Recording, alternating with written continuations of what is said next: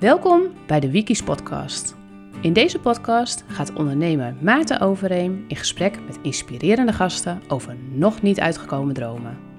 Aan het eind van hun leven kijken mensen terug en hebben ze vaak spijt van de dromen die ze niet gerealiseerd hebben.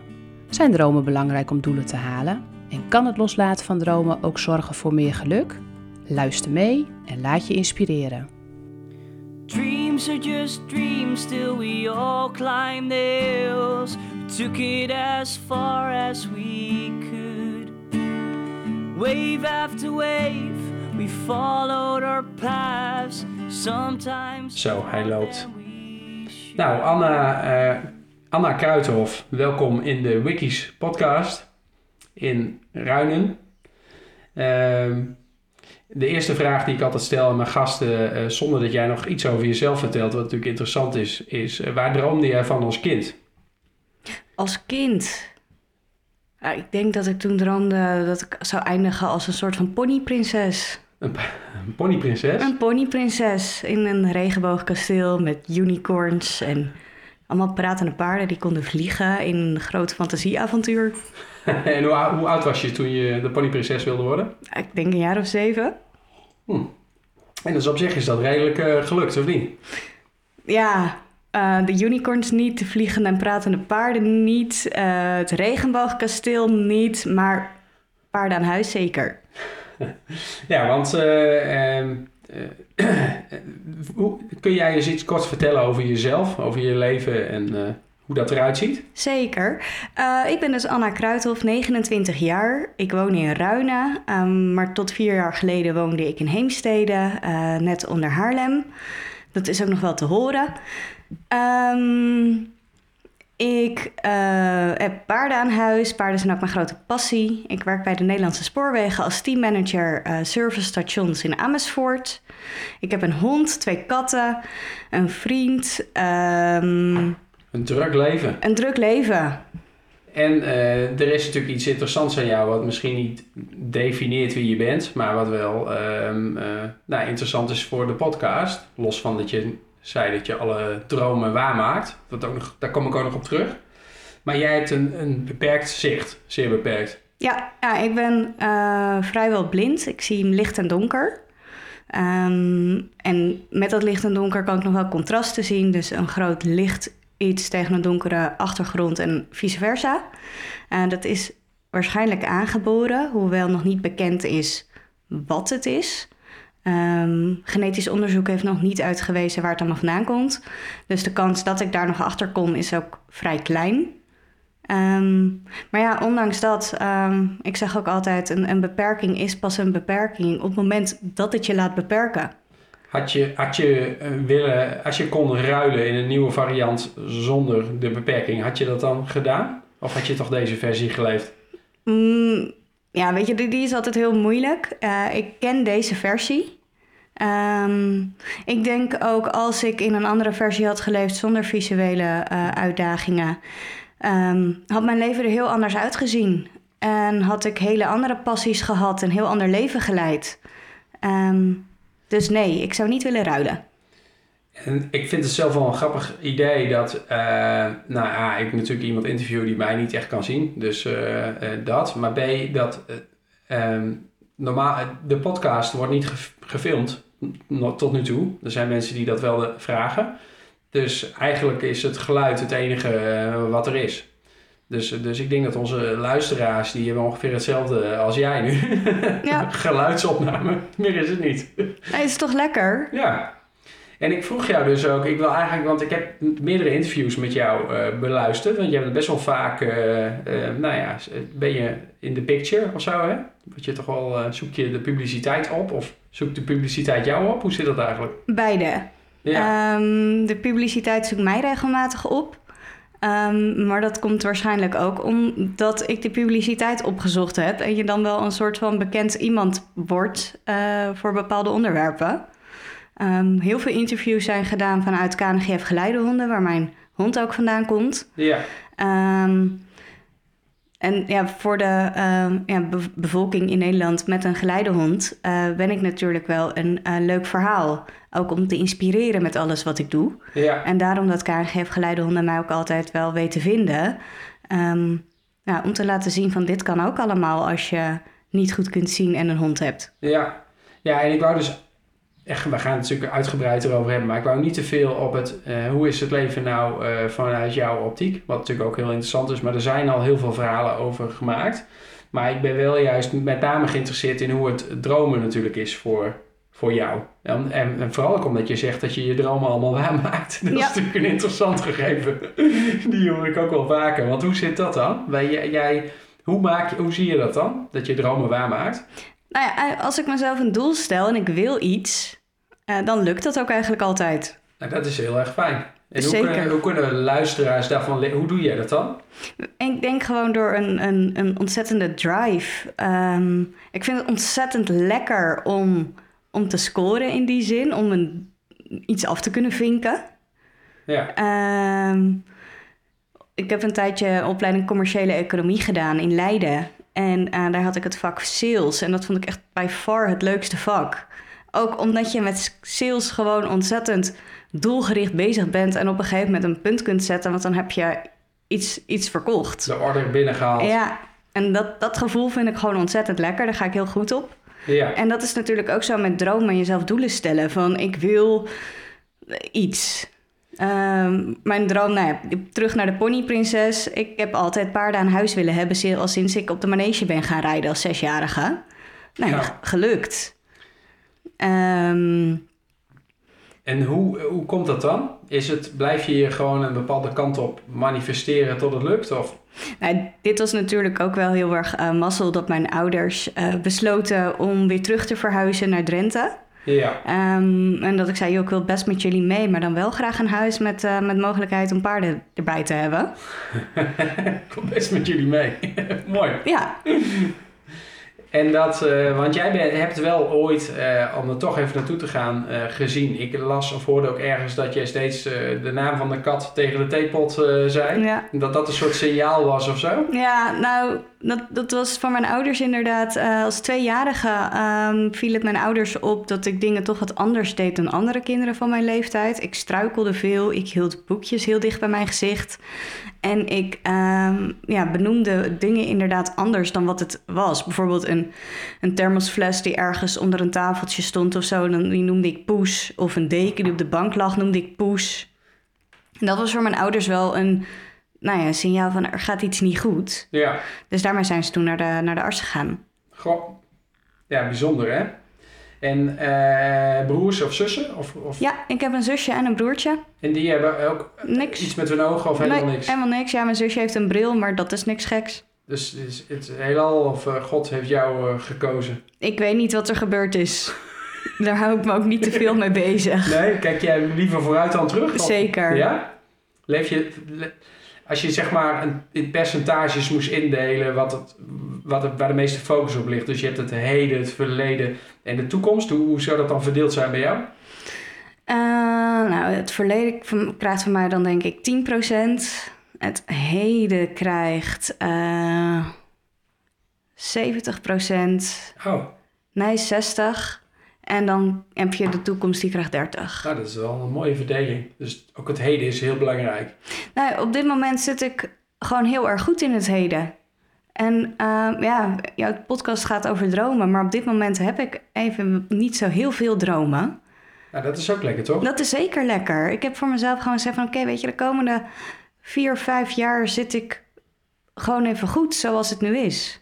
En, want jij hebt je eigen bedrijf Gehad. gehad. Ja, En, en, eh, maar dat werk met de, met de dierengeneeskunde, doe je dat nog steeds of niet? nee, nee, de natuurgeneeskunde voor dieren. ehm, nou, ik ben nu ook uitgeschreven bij de Kamer van Koophandel. Oké. Ehm, dat heb ik gedaan sinds 2015.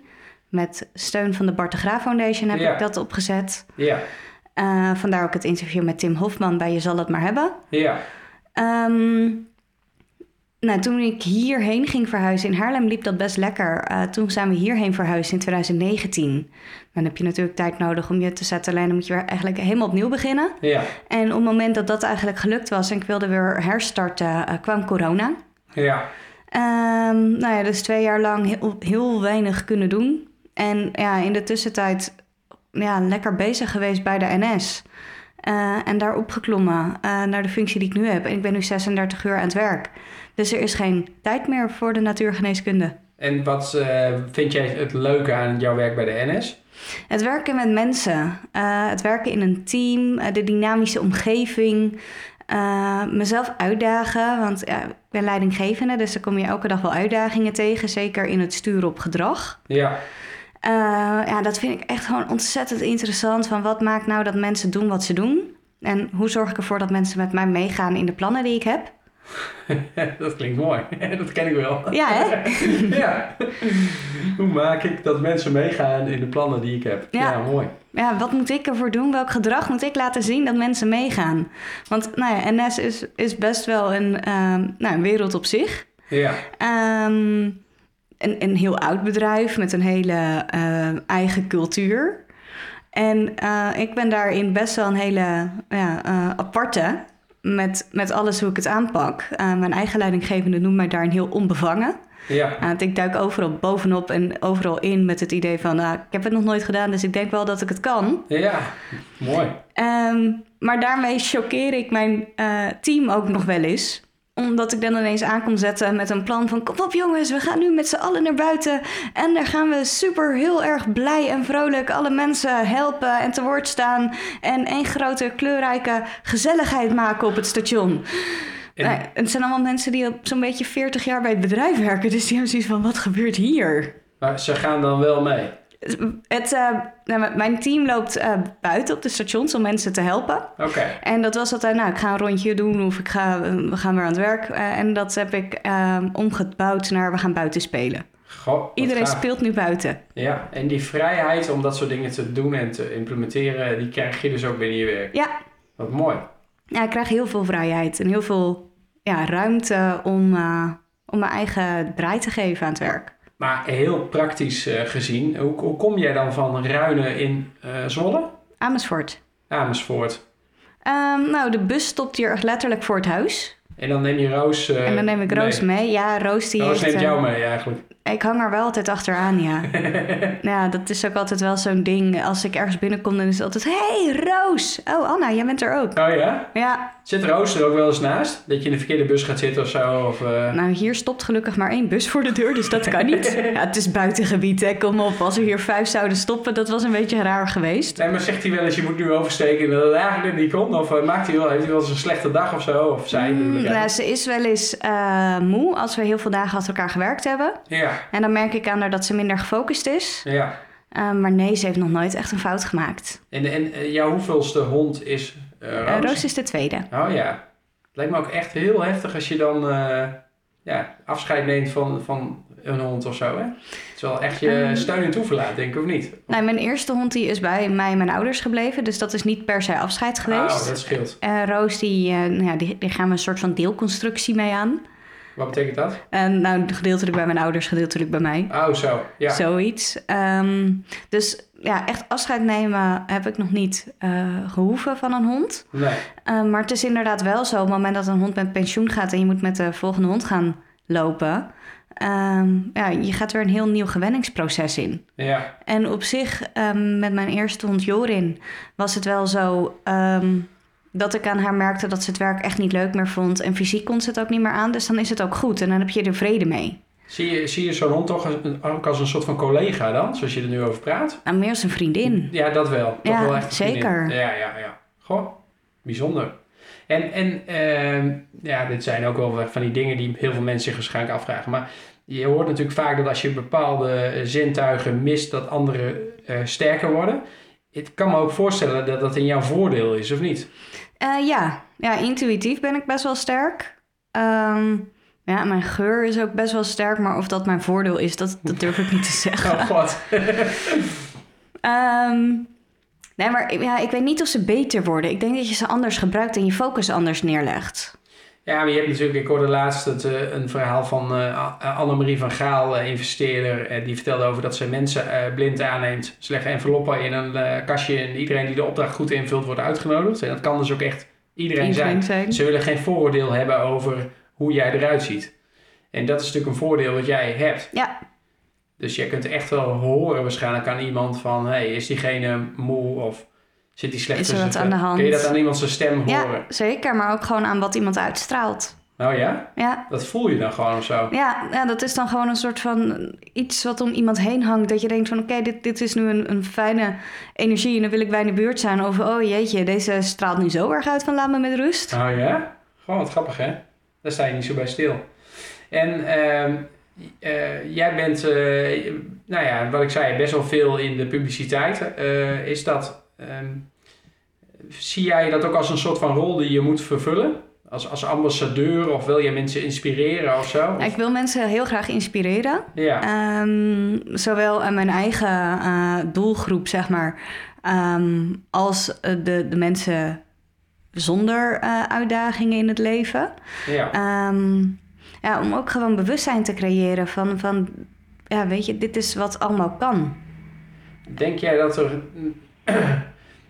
relatief veel grote dromers zijn onder de mensen met uitdagingen die, die zich toch sneller uit het veld laten slaan? Of zijn het juist mensen die meer kansen zien omdat ze weten dat het vecht is voor iedere dag of zo? Ik denk dat het eh, heel erg verdeeld is. Eh, de mensen met de, met de grote dromen, die gaan daar ook echt voor. Ja, Uh, maar ik denk ook dat er inderdaad een, gro- een groep is die wel zou willen, maar niet weet hoe. ja. En die probeer je dan, uh, want doe jij daar, jij bent ook ambassadeur van de uh, Nee. Bart Graaf Foundation, doe je dat daar iets voor, actief? Nee, Oké, nee. ehm, het is ik ben- meer een gezicht, een het is meer een gezicht, inderdaad. Ja, ik ben wikkel geweest van de Bart de Graaf Foundation. Ja, Maar er wordt verder ook niet uh, nou ja, vanuit de foundation dan gevraagd of je ergens wil zijn om te praten of uh, mensen toe te spreken. ja, Ehm, ja, ik ben ook ambassadeur voor KNGF Geleidehonden. ja. En daarmee kom ik dan wel op uh, nou, verschillende plekken om het verhaal van de geleidehond te vertellen en het verhaal van KNGF Geleidehonden. Um, nou ja, en zo ben ik ook wel eens bijvoorbeeld bij, bij een ABN AMRO geweest die een check had voor uh, de geleidehonden. ja. Um, ja, en dan spreek je toch wel uh, hele interessante mensen toe. En heb je dat ook wel eens teruggekregen? Dat iemand echt zei, ja, ik zat al een tijdje thuis en door jouw verhaal ben ik het toch gaan doen? Um, weet ik niet meer. Dat is... ik, nee, dat, die is niet blijven hangen. Is... Um, wel wat, van zo van jeetje, wat, ik ben nu wel echt heel geïnspireerd. En um, ik ben nu wel anders ook. Ik, ik, ga nu wel anders nadenken over het leven. Ja. En vorig jaar ben ik bijvoorbeeld met mijn eigen uh, naaste uh, collega's uit ons MT um, in Nijmegen geweest bij het museum. Ja. En dat is een ja, museum, maar dan helemaal in het donker. Ja. Dus je loopt daar een route uh, of door een soort van huiselijke omgeving met tuin en park en een bioscoop of uh, door Parijs. Um, en dan helemaal in het donker met een taststok. Ja. En dat heeft mijn collega's wel ontzettend um, nou ja, geholpen om begrip te krijgen voor hoe ik dingen doe. Ja. Um, maar ook door anders te gaan nadenken over van jeetje, wat heftig eigenlijk. En wat kost het toch ook wel veel energie als je dat zintuig mist. Als je moest, moest kiezen, zou je dan liever uh, iemand van de bank krijgen die misschien ook slecht zicht heeft of een andere uitdaging en die, die het toch gaat doen? Of heb je liever de, begrip, de begripskant? Zo van nee, wees, hè, mensen die dan eigenlijk alles hebben en er gewoon veel te weinig van maken. Terwijl ze wel gewoon kunnen functioneren en geen uitdaging hebben. Uh, ik denk dat toch de begripskant. Um, want als de, de grote buitenwereld meer begrip heeft, uh, denk ik dat er uiteindelijk meer mensen op kunnen staan om uh, mensen met een visuele beperking van de bank te helpen. Is, ja, hè? ik denk dat dat ja, nog steeds best wel een ondergesneeuwd onderwerp is, ja, of niet? nou ja, zeker als je ook merkt, ik, ik zie het dan niet, maar mensen die met mij meelopen zien het wel. Als ik bijvoorbeeld met mijn hond over het station loop, um, of een paar weken terug was ik met mijn zusje op Lanzarote.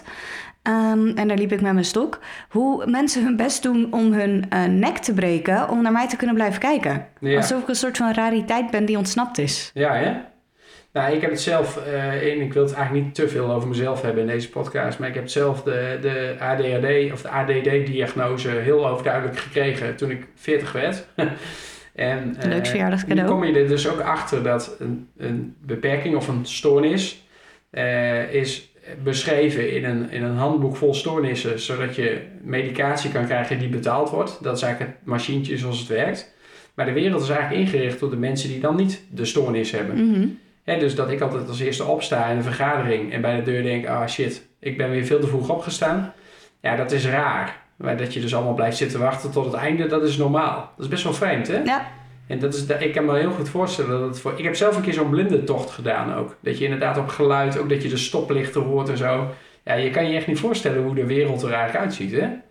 Dus het, is Nee. ook wel, het staat ook ver van mensen af, denk ik hoor. nou ja, dat. En, ja, en mensen die denken dan, ja, als je blind bent, dan zie je zwart. Ja. Maar als je echt blind bent, dan zie je geen zwart, dan zie je niks. Want zwart is iets. En, maar, en dat, ja, dan gaan we toch daarheen. Jij, eh, hè, want eh, dat vond ik ook iets waar ik over naast te denken in de voorbereiding op dit gesprek. Ik denk altijd in dromen heel visueel. Ik zie het echt voor me. Als ik het gesprek met jou voorbereid, zie ik al voor me dat ik ergens met jou zit. En dan in de praktijk is het altijd wat anders dan je denkt. Maar zelfs mooier. Jij dacht ook aan een regenboogkasteel Ja, met vliegende paarden. maar ik zie het voor me. Ik zie, dan denk ik, ik zie mezelf zitten op een bankje in de zon of weet veel wat. Eh, hoe zit dat bij jou? Zie, zie jij, want jij hebt ooit gezien. Ja. Natuurlijk, ik visualiseer ook dingen. Alleen ik denk dan met veel minder details. Want dat bankje in de zon waar, je- waar, waar jij dan op zat... ehm, er zaten waarschijnlijk ook iets van rozenstruiken omheen. Of eh, een klaterende fontein met een, eh, met een mooi beeld in het midden... in een nog nader te bepalen bepalen vorm. Ja. Ehm, ja, Maar is dat dan iets wat je ook niet meer ontwikkelt, omdat je dat maar een aantal jaar misschien hè, beelden hebt gezien? Of is, of, is het, of is het gewoon minder belangrijk? Voor mij is, is een visuele impuls niet belangrijk. Nou ja, Ehm, nou ja, weet je, als ik ergens aan denk, dan denk ik toch eerder weer aan, aan eh, hoe voelt het? Ehm, hoe ruikt het? Hoe is de sfeer? Ehm, wat zijn de geluiden eventueel die daarbij zijn? Wat hoort daarbij? ja. En muziek? Ja, ook. Kun je, zie je dan, ik heb bijvoorbeeld als ik dus bijvoorbeeld Miles Davis luister, ik weet niet of je wel eens naar zulke oude eh, jazz luistert, maar dan, dan zie je gewoon, je ziet hem bijna zitten ergens in een of andere kamer, terwijl de regen op het dak tikt en zo. Ja, Ja, nou, ik zie het dus. Nee, ik ben dus echt een visueel, ik zie het weer voor Ja. me, ja. Ja, Ehm, nou ja, bij muziek, ja.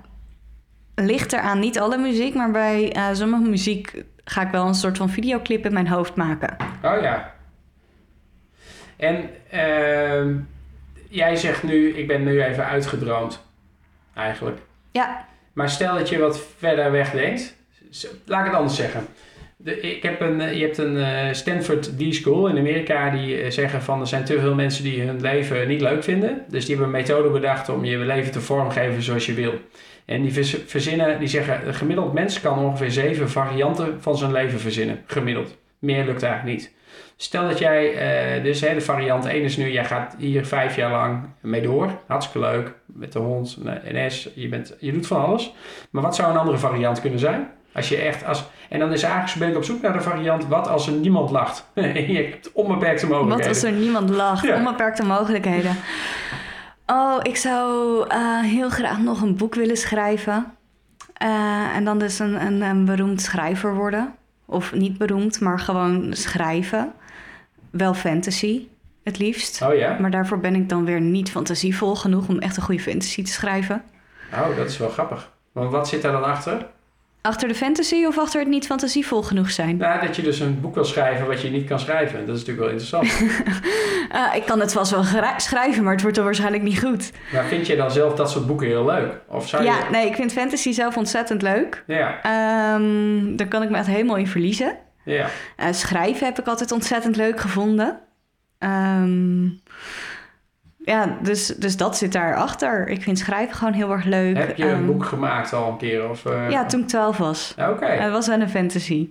oké. En dat... eh, Was niet goed. Nee? Waarom niet? Eh, een uitgeverij wilde er niet uitgeven. Oh nee, dat heb ik Nee. ook wel eens vaker gehoord. Ja. Dus ze adviseerden me om nog maar verder door te gaan met schrijven, want ik was nog wel heel jong. Oh, en hoe ga je daarmee om dan? Met dat soort tegenslagen? Nou, dat was, ik was 12, jammer, maar oké. Oh ja. Het is niet het... eh, hoe ga je überhaupt om met, met, met dingen die dus niet lukken? Het gebeurt blijkbaar bijna nooit in je Nee, leven. Maar nee, stel, eh, en, nou, ligt er aan wat? Ehm, heb je wel eens dat je echt met je neus op de feiten wordt gedrukt? Ja, en zeker. shit, sta Zeker. ik hier in de verkeerde bus gestapt. Ben naar Ehm, Zwolle gereden in plaats van naar Amersfoort. ja, nee, dat, eh, nou, de trein gaat gelukkig eerst via Zwolle en dan naar Amersfoort. Jij Shit. reist niet zo heel vaak met de trein, hoor ik. Goede beeldspraak voor mij. Nee. Nee, ik ga echt veel te weinig met de trein. Ja, Ehm, nee, het ligt er heel erg aan hoe, hoe het op dat moment met me gaat. Ehm, zit ik gewoon goed in mijn vel? Is het, eh, nou ja, weet je, zoals het, weer zoals het nu is, zondag uh, graadje of 20. En dan heb ik zoiets van, nou ja, prima, weet je, dan, dan reis ik om of ik wacht even een half uurtje. Maar is het in de winter uh, koud, nat? Um, ik heb een vervelende dag gehad op het werk met moeilijke gesprekken. Ja, dan, dan, dan heb ik wel zo eventjes zoiets van, oké, ik voel me nu echt zo ellendig en zielig. Ja, hè? Ja, wie, welke persoon heeft dat niet, hè? Eigenlijk. Precies. Hey, jij hebt ook een, ik zag ook dat jij een trektocht hebt gemaakt. Ja. Nou joh, ik vind het al echt wel eng om gewoon überhaupt op een paard te zitten. Ik doe sinds mijn zesde niets anders, maar... Oeh, hey, jij bent dus 100 kilometer lang met beperkt zicht op een paard gaan uh, rijden. Ja. En waarom? In godsnaam, nee, ja. maar waarom? Heb ik mij naderhand ook afgevraagd. Waarom wilde ik dit ook alweer? Ja, um, ja het, het, ik, ik hou heel erg van buitenrijden. Ja. En daar woon je in Drenthe natuurlijk wel perfect voor. Ja. Um, ja, en, en het leek me gewoon super gaaf om met je paard dan uh, op vakantie te gaan en een week lang echt alleen maar samen door te brengen en uh, allerlei verschillende plekken te zien en te, te ervaren. En ja, dat. En, en uiteindelijk deed je dat ook voor een goed doel, toch? Ja, ja ik had zoiets van, want toen ik begon kwam ik al gauw snel achter dat het uh, behoorlijk veel organisatie uh, vroeg. En dat het niet zo makkelijk was als dat ik dacht. Nee. Dus ik dacht van waarom zou ik al deze moeite doen alleen maar voor mijn eigen weekje vakantie. Ja. Als ik er misschien ook nog iets goeds mee kan doen. Maar dat was eigenlijk de omgekeerde wereld. Je dacht eigenlijk, ik ga iets leuks doen. Toen kwam de grote hoeveelheid organisatie. En toen dacht je, nou dan ga ik er ook een zakelijke facet uh, ja, aan verbinden. Precies. Gebeurt dat vaak op die manier? Omdat je dus eerst denkt, ik, waarschijnlijk kan ik het wel. Ik ga het gewoon doen. Ik ga het Ja, nee, het begint eigenlijk altijd met... Oh, dat lijkt me heel gaaf om te doen. Ga ik Ja. doen. Ja, en dan, dan komt de organisatiekant erachter. En dan komt inderdaad meer het plan erachter. Ik doe meer en dan ga ik denken. Ja. Maar uiteindelijk, eh, wat, wat haal je daar nou uit dat je dat doet? Je zit 100 kilometer afgezien van de mooie plekken en zo. Maar wat is het grotere verhaal erachter voor jou? Ehm, ja, wat ik ervan geleerd heb is ehm, dat ik het niet alleen kon. Oh, wat, wie of wat had je nodig om het te doen? Nou ja, ik had eh, mensen nodig die voor mij de routes maakten. Ehm, ik had eh, achteraf gezien eigenlijk al mijn routes nog door iemand eerst eh, moeten laten voorfietsen om te kijken of de routes wel klopten.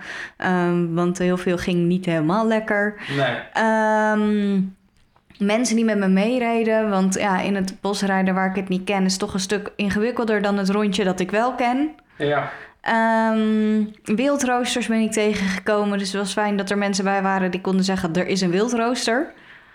ja, Ehm, precies. Dus het hele... ja, dus- weet je, gewoon ik, wat ik ervan geleerd heb, is, is dat ik gewoon toch echt niet zo goed zie. Nee, En dat ik daarvoor best wel mensen kan gebruiken die dat wel doen. dat wist je nog niet. Nee, Nou, eigenlijk wat je zegt daar is... was ik na 28 jaar toen nog niet achter, nee. Nee, maar dat, dat het dus uiteindelijk gelukt is, is, ook wel, is dan dus ook wel een, een overwinning. Ja, ja, het was niet de overwinning zoals ik die wilde. Nee. Ehm, want ik had het echt veel glorieuzer ingeschat. Van super uitgerust en fit dat ik hier weer thuis kwam. En alles was gelukt. En de laatste dag was heerlijk geweest. En het was echt een drama. ja. Ehm, maar ja, weet je, ik heb het gedaan. En als je dan terugdenkt, dan was het toch wel heel erg gaaf. En heb ik ontzettend veel mooie en leuke mensen ontmoet. Ehm, nou, een prachtig bedrag ook, ook opgehaald voor de DVB Foundation. Wat is dat? Eh, ja, dat is een eh, foundation die zich inzet om paardrijden voor mensen met een eh, beperking mogelijk te maken. Oh, wat gaaf. Dus dan wel met het financieren van speciale lessen of hulpmiddelen, Ja. zodat ze toch kunnen blijven rijden. Dus en de obstakels waren groter dan verwacht. Eh, Ik kan me ook voorstellen dat fysiek ook wel wat... eh, Ik denk niet dat ieder gemiddeld mens zomaar even eh, 100 kilometer op een paard gaat zitten. Nee, daar heb ik ook hard voor getraind. Oh, ja. Eh, uiteindelijk reed ik in een week tijd verdeeld over een aantal dagen toch ook wel 60 tot 80 kilometer. Zo, Voorafgaand aan die tocht. Ook om mijn paard te trainen en op conditie te brengen. ja. Maar ook voor mezelf inderdaad. Want ja, weet je, die eerste ritten van 15 tot 20 kilometer. je komt er vanaf met blaren op je kont. Ja, Dus eh, ja, het, het grootste obstakel was dus eigenlijk... Het- toch het zicht. Ja, en dus ook het vragen om hulp. Ja, Is dat nou, sowieso iets waar je moeite mee hebt? Wil je liefst gewoon niet te veel hulp vragen? Het gewoon, ik word er wel steeds beter in. Ook omdat ik merk dat het heel veel makkelijker is om hulp te vragen. Ja, Is nu ook wel dan weer een ontwikkelpunt. Want mijn leidinggevende zegt dan nu ook van ja, je bent echt heel goed in heel veel dingen. Alleen de uitvoerende kant mag je nog wel wat meer eh, gaan ontwikkelen. Dan denk ik van ja, maar dat is toch hartstikke makkelijk. Ik voer niks uit inderdaad. Maar ik vraag mensen om het voor mij uit te voeren. Ja, precies. Ja, en wat zeggen ze daar dan eigenlijk mee? Dat je, dat je eh, te veel dromerig bent eigenlijk misschien wel. Of- Eh, ja, ik weet niet wat ze daarmee zeggen. Of ehm, ja, dat ik zelf wat meer eh, actie daarin mag hebben als ik, als ik een plan heb, dat ik het dan zelf uitvoer. Ja, Ehm, ja, maar het is, ik vind het best wel makkelijk. Ik heb een plan. hey, ik heb een plan. Zou jij voor mij? Oh ja, tuurlijk wil ik dat top. Ga ik weer verder. ja, zo ziet mijn droomwereld er eigenlijk ook een beetje uit. maar ik moet wel zeggen dat ik te vaak een te snel een idee lanceer. Dus Ja. dat is ook een gevaar. Dat Ja. je eigenlijk denkt, dat ik heb wel wat meer geleerd om er even iets beter over na te denken. Niet elk idee is goed. En niet elk idee moet je pitchen gelijk of zo. Nou ja, of juist wel. Want als je het dan pitcht en het is niet goed, dan gaan mensen daar toch een mening over vormen. En dan komt er misschien uiteindelijk wel weer een ander idee uit, wat een beetje in de buurt komt van jouw idee. Ja. Ik zou gewoon, nou ja, alles wat in mij opkomt aan gekke ideeën, die gooi ik gewoon ergens bij iemand op tafel. Zo van, hé, hey, ik heb een idee. Nee, niet goed? Oké, nou dan ga ik er nog even over nadenken. Of Ja. eh, heb jij een idee? Ja, goh, interessant verhaal zeg. En waar hoop jij over tien jaar, eh, hè, want vijf jaar is dus eh, eigenlijk in kannen en kruiken, dus dan gaan we wat verder weg kijken. Maar stel dat ik over tien jaar weer contact met jou opneem, waar, waar zit je dan? Hoe ziet jouw leven er dan uit? En dan wil je deze werkelijkheid of een van de andere zeven werkelijkheden? Nou, jij mag kiezen. Het is jouw leven. Laten we maar even in deze werkelijkheid blijven. Die lijkt me het meest realistisch. ja, Ehm, nou, over tien jaar hoop ik toch nog wel een, extra, en een, stap eh, te hebben gezet op de, op de NS-ladder. ja, Ehm, ja, dan heb ik ook nog steeds eh, een, een paard in elk geval. Misschien niet meer drie. nee. Dat is ook best wel pittig. Ehm, Kinderen, ik stel hem toch maar even. weet ik niet. Nee, Dat, eh, ja, daar ben ik nooit zo mee bezig geweest. nee. Eh, ik ben altijd meer bezig geweest met, met eh, carrière, leuke dingen doen. ik heb het niet uitgesloten. Als het komt, dan komt het. Ja, Maar ik heb ook altijd gezegd... ik ga er niet per se heel hard mijn best voor doen om het te laten gebeuren. nee. Je eigen foundation misschien. Mijn eigen foundation? Ja. Voor wat? Nou, om eh, meer bewustheid eh, te creëren. Je bent ondernemend, je houdt van sales. En die ben ik jouw toekomst aan het invullen. Dat is ook niet goed. Ja, maar deze toekomst vind ik toch ook niet... Nee, nee, slecht idee. Pitch maar ergens anders. Oké. nou mooi, dan ronden we daar wat mij betreft mee af. Is goed. Wat een leuk verhaal, eh, Anna. Is, is alles gezegd volgens jou? Wil jij, stel dat er nu iemand luistert die denkt, ja, het zal wel. Zo moeilijk is het allemaal niet om blind door de trein te gaan. Of iemand die denkt, ik ben doof en ik zit al drie jaar thuis op de bank. Heb je nog een, een takeaway, een gouden tip? En blijf dromen. En eh, ga erachteraan. Mooi. Mooier eh, kunnen we die afronden. Hartstikke bedankt. Jij ook heel erg bedankt.